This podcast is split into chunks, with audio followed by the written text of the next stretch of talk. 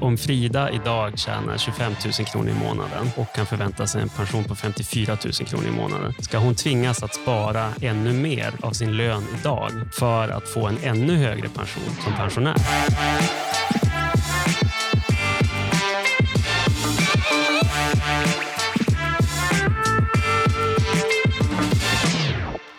Du lyssnar på Ekonomerna med mig John Norell och pensionsnörden Jakob Lundberg. Jakob, jag är, lite, jag är lite besvärad över min pension. Det är många unga som, eh, som ändå känner sig oroliga. Ska jag vara orolig? Nej, det tycker jag absolut inte. Du tycker inte det? Nej. Nej, det ser ljust ut för framtidens pensioner. Ja, jag tänker att idag så ska vi rikta oss mot unga som känner att um, det här med pensionen, uh, man har inte koll. Man känner att uh, tusan, hur ska det här gå till? Kommer jag bli liksom... Vi hade ju tidigt, tidigare ett avsnitt om fattigpensionärer och um, det är kanske många som känner att det vill inte, jag vill inte behöva oroa mig. Mm.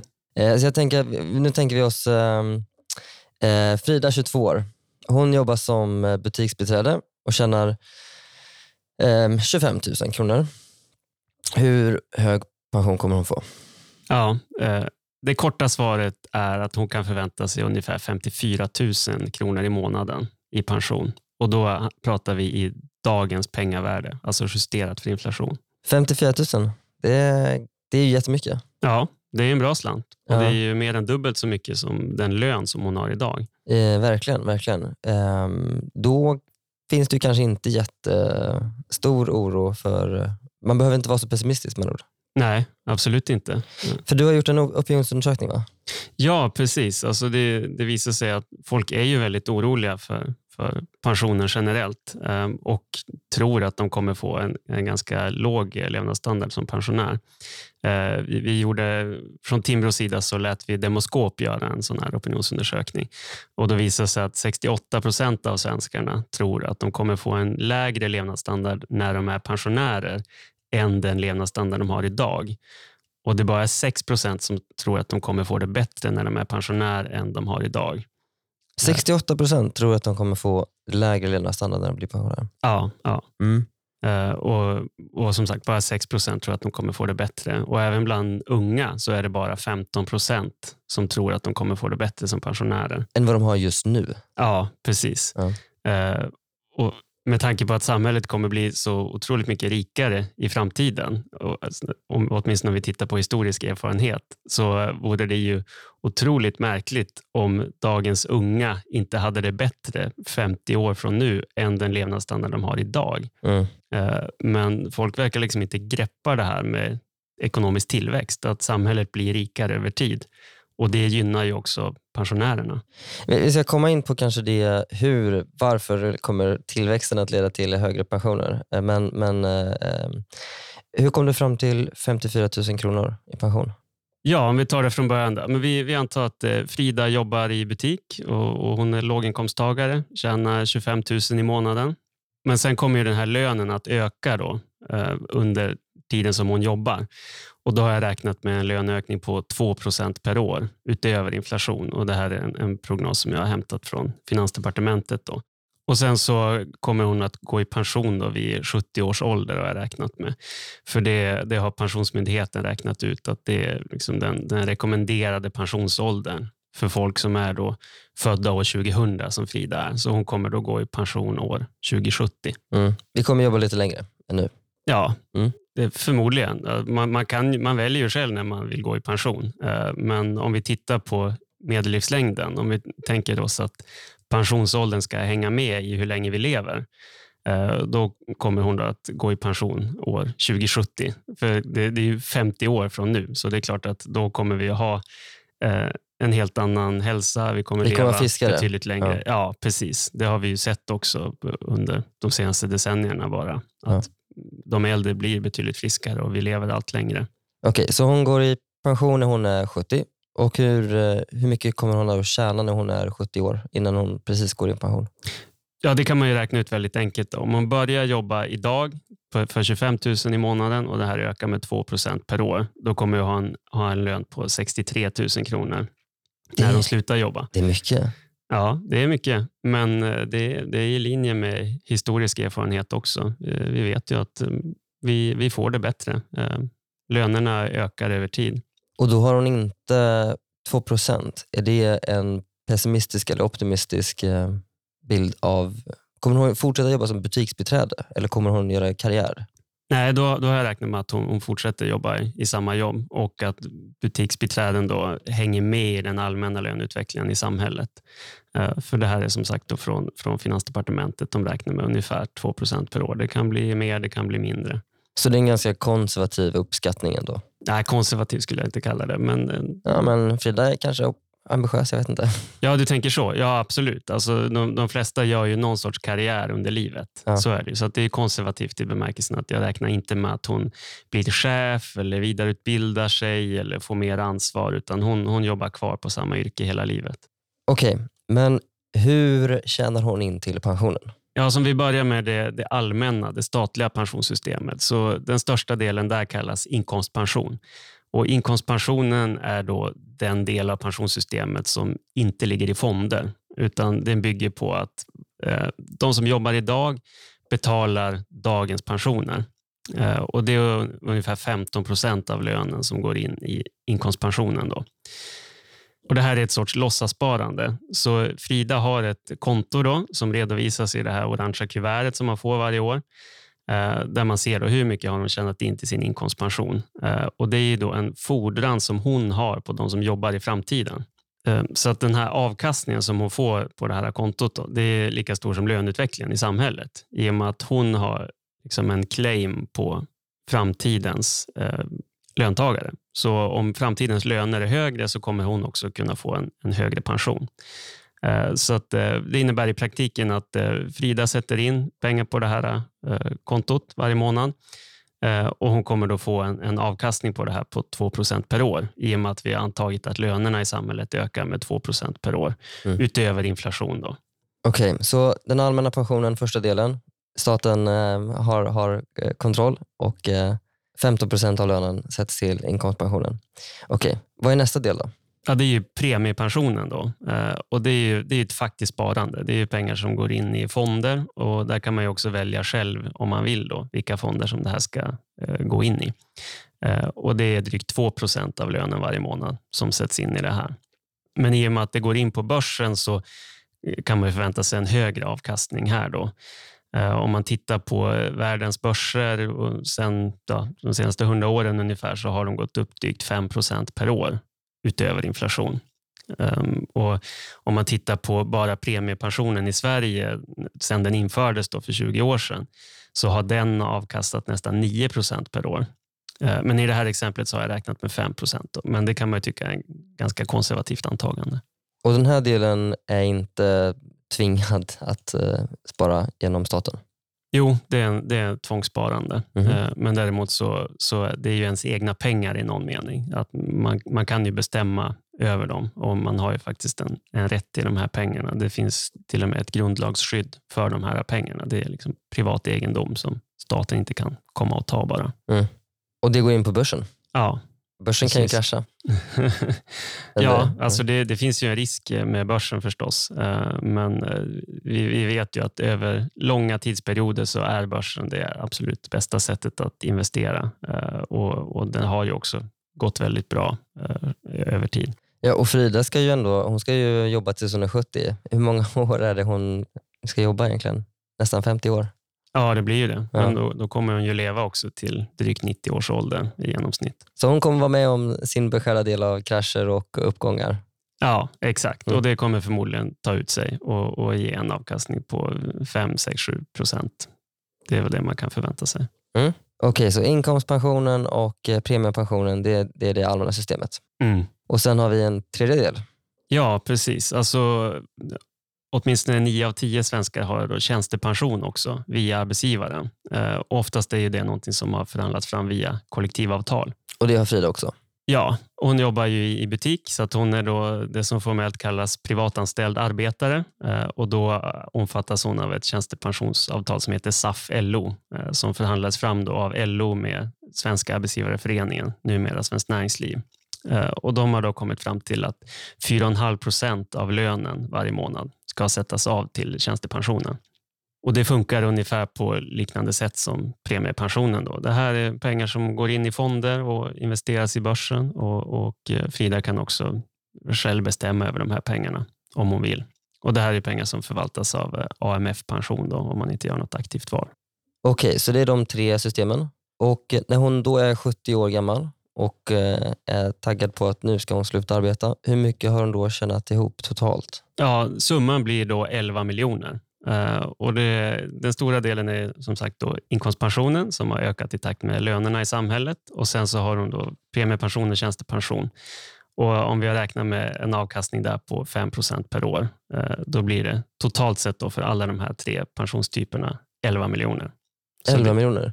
Och det, och det var för att hon sparade 15 procent av lönen till inkomstpensionen och hur mycket var eh, premie och tjänstepensionen? Ja, då är det ungefär 2 procent i premiepension och drygt 4 procent till tjänstepension. Ja, och då har hon fått ihop 11 miljoner. Det är ganska mycket pengar. Ja, det är en bra slant. Inflationen då, är det här liksom i dagens penningvärde eller är det liksom i, eh, liksom, kan det inflateras bort? Ja, nej, då har jag rensat för inflation. Så att eh, alla siffror som jag säger i det här avsnittet, då, det är i, i, dagens penningvärde. Så det visar hur mycket kan hon köpa för den här eh, pensionen med dagens priser. Okej, okay. och de här 11 miljonerna, hur mycket ger det i pension då när hon är 70 år? Ja, egentligen är det väldigt enkelt. Alltså man tar de här um, pensionskapitalet, de här 11 miljonerna som hon har och så smetar man ut det över resten av hennes förväntade livslängd. Och Frida förväntas då leva till 91 års ålder med de prognoser som vi har nu.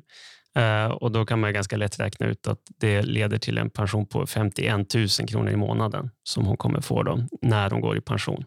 Men sen så kommer den här pensionen också öka under tiden som hon är pensionär eh, i och med att pensionen är även fortsatt knuten till då lönerna i samhället och hur det går för börsen. Sen mot slutet av livet då kommer hon ha en pension på kanske 57 000 kronor i månaden. Mm. Så om man tar då, vad är hennes genomsnittliga pension under de här 20 åren som hon är pensionär så blir det 54 000 kronor i månaden. Och Det var ju den siffran som jag nämnde här i början. Just det. Så precis när hon är 70 år, då får hon 51 000? Ja. Det är rätt nice och sen bara stiger det Ja, mer exakt. mer. Mm. exakt. Och om hon väljer att uh, gå i pension tidigare än när hon är 70?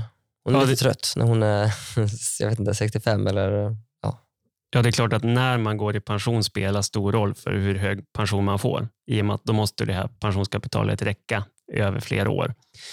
Eh, men som sagt, vi, vi kommer, måste ändå förvänta oss att i framtiden när vi är friskare och lever längre så går vi också i pension senare.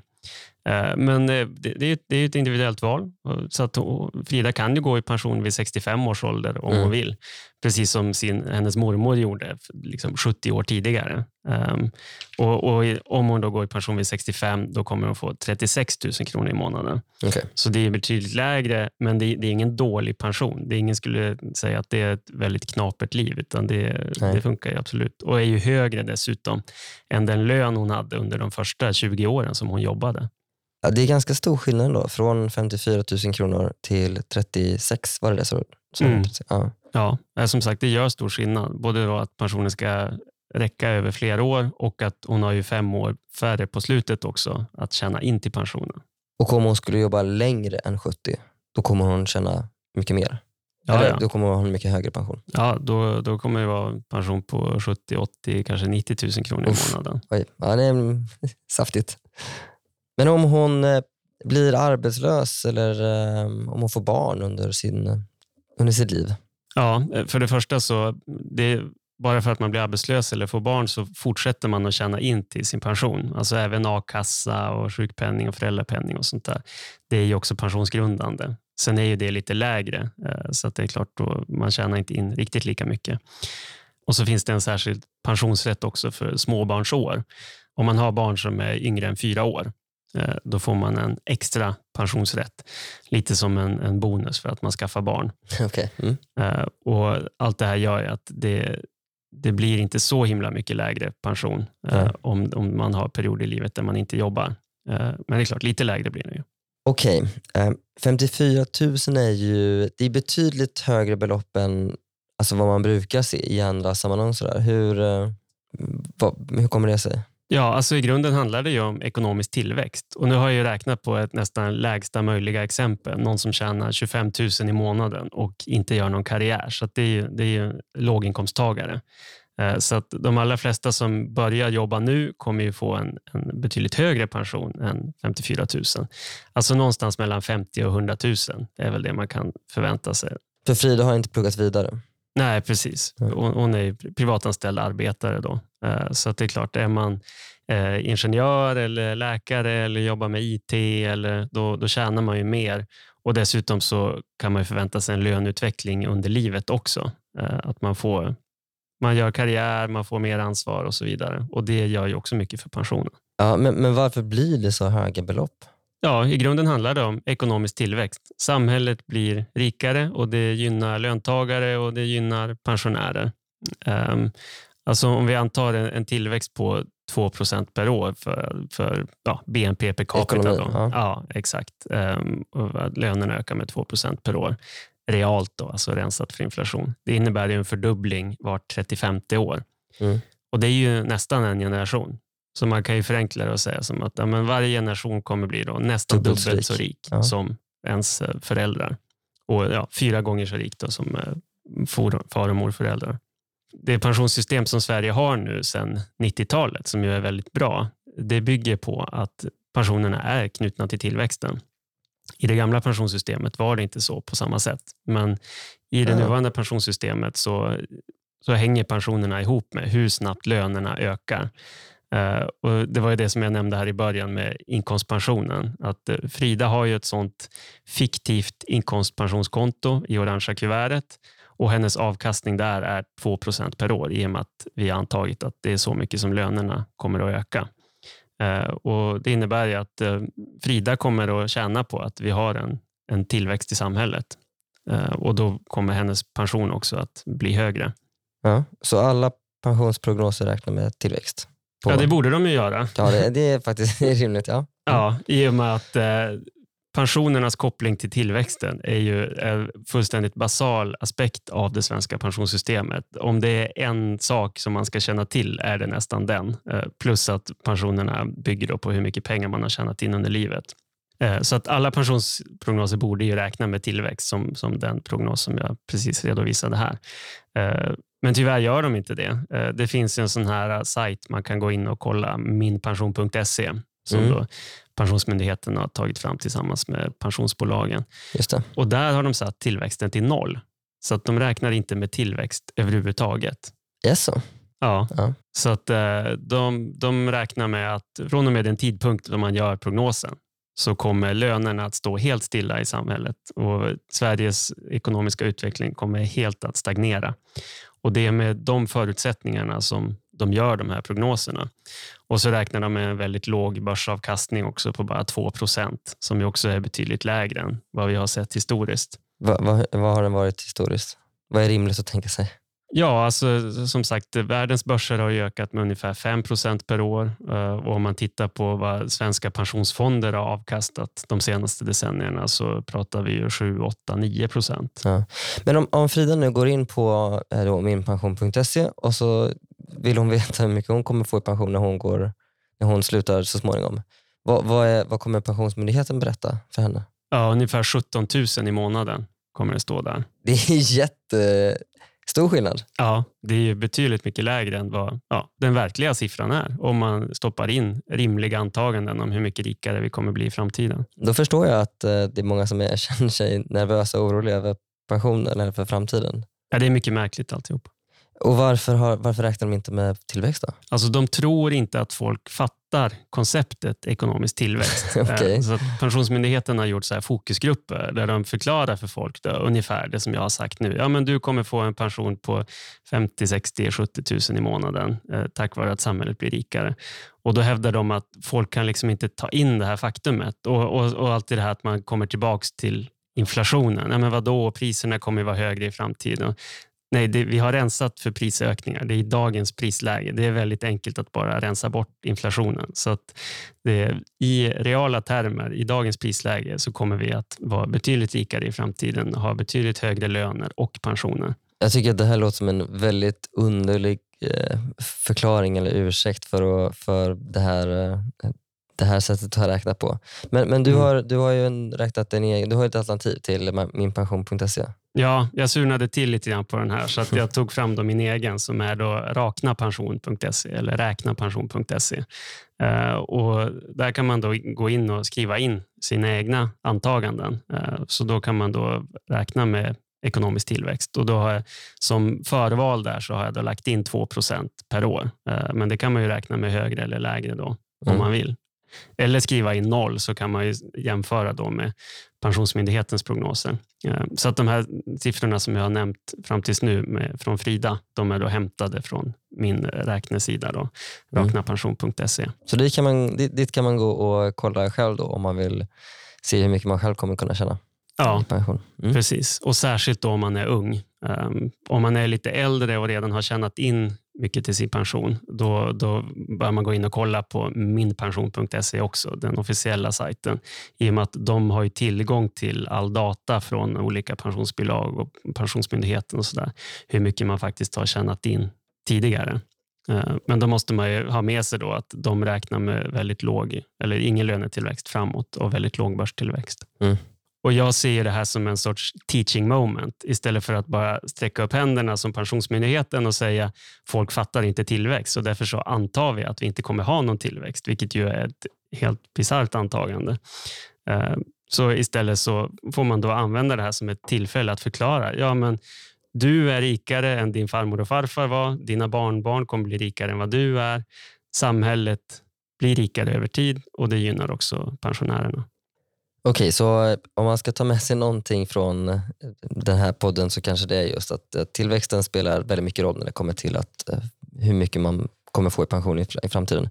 Men eh, det är många politiker i alla fall som, som ändå vill ta fasta på det här med den här oron som många känner inför sin pension och vill ja, ösa in mer pengar i, i det allmänna systemet.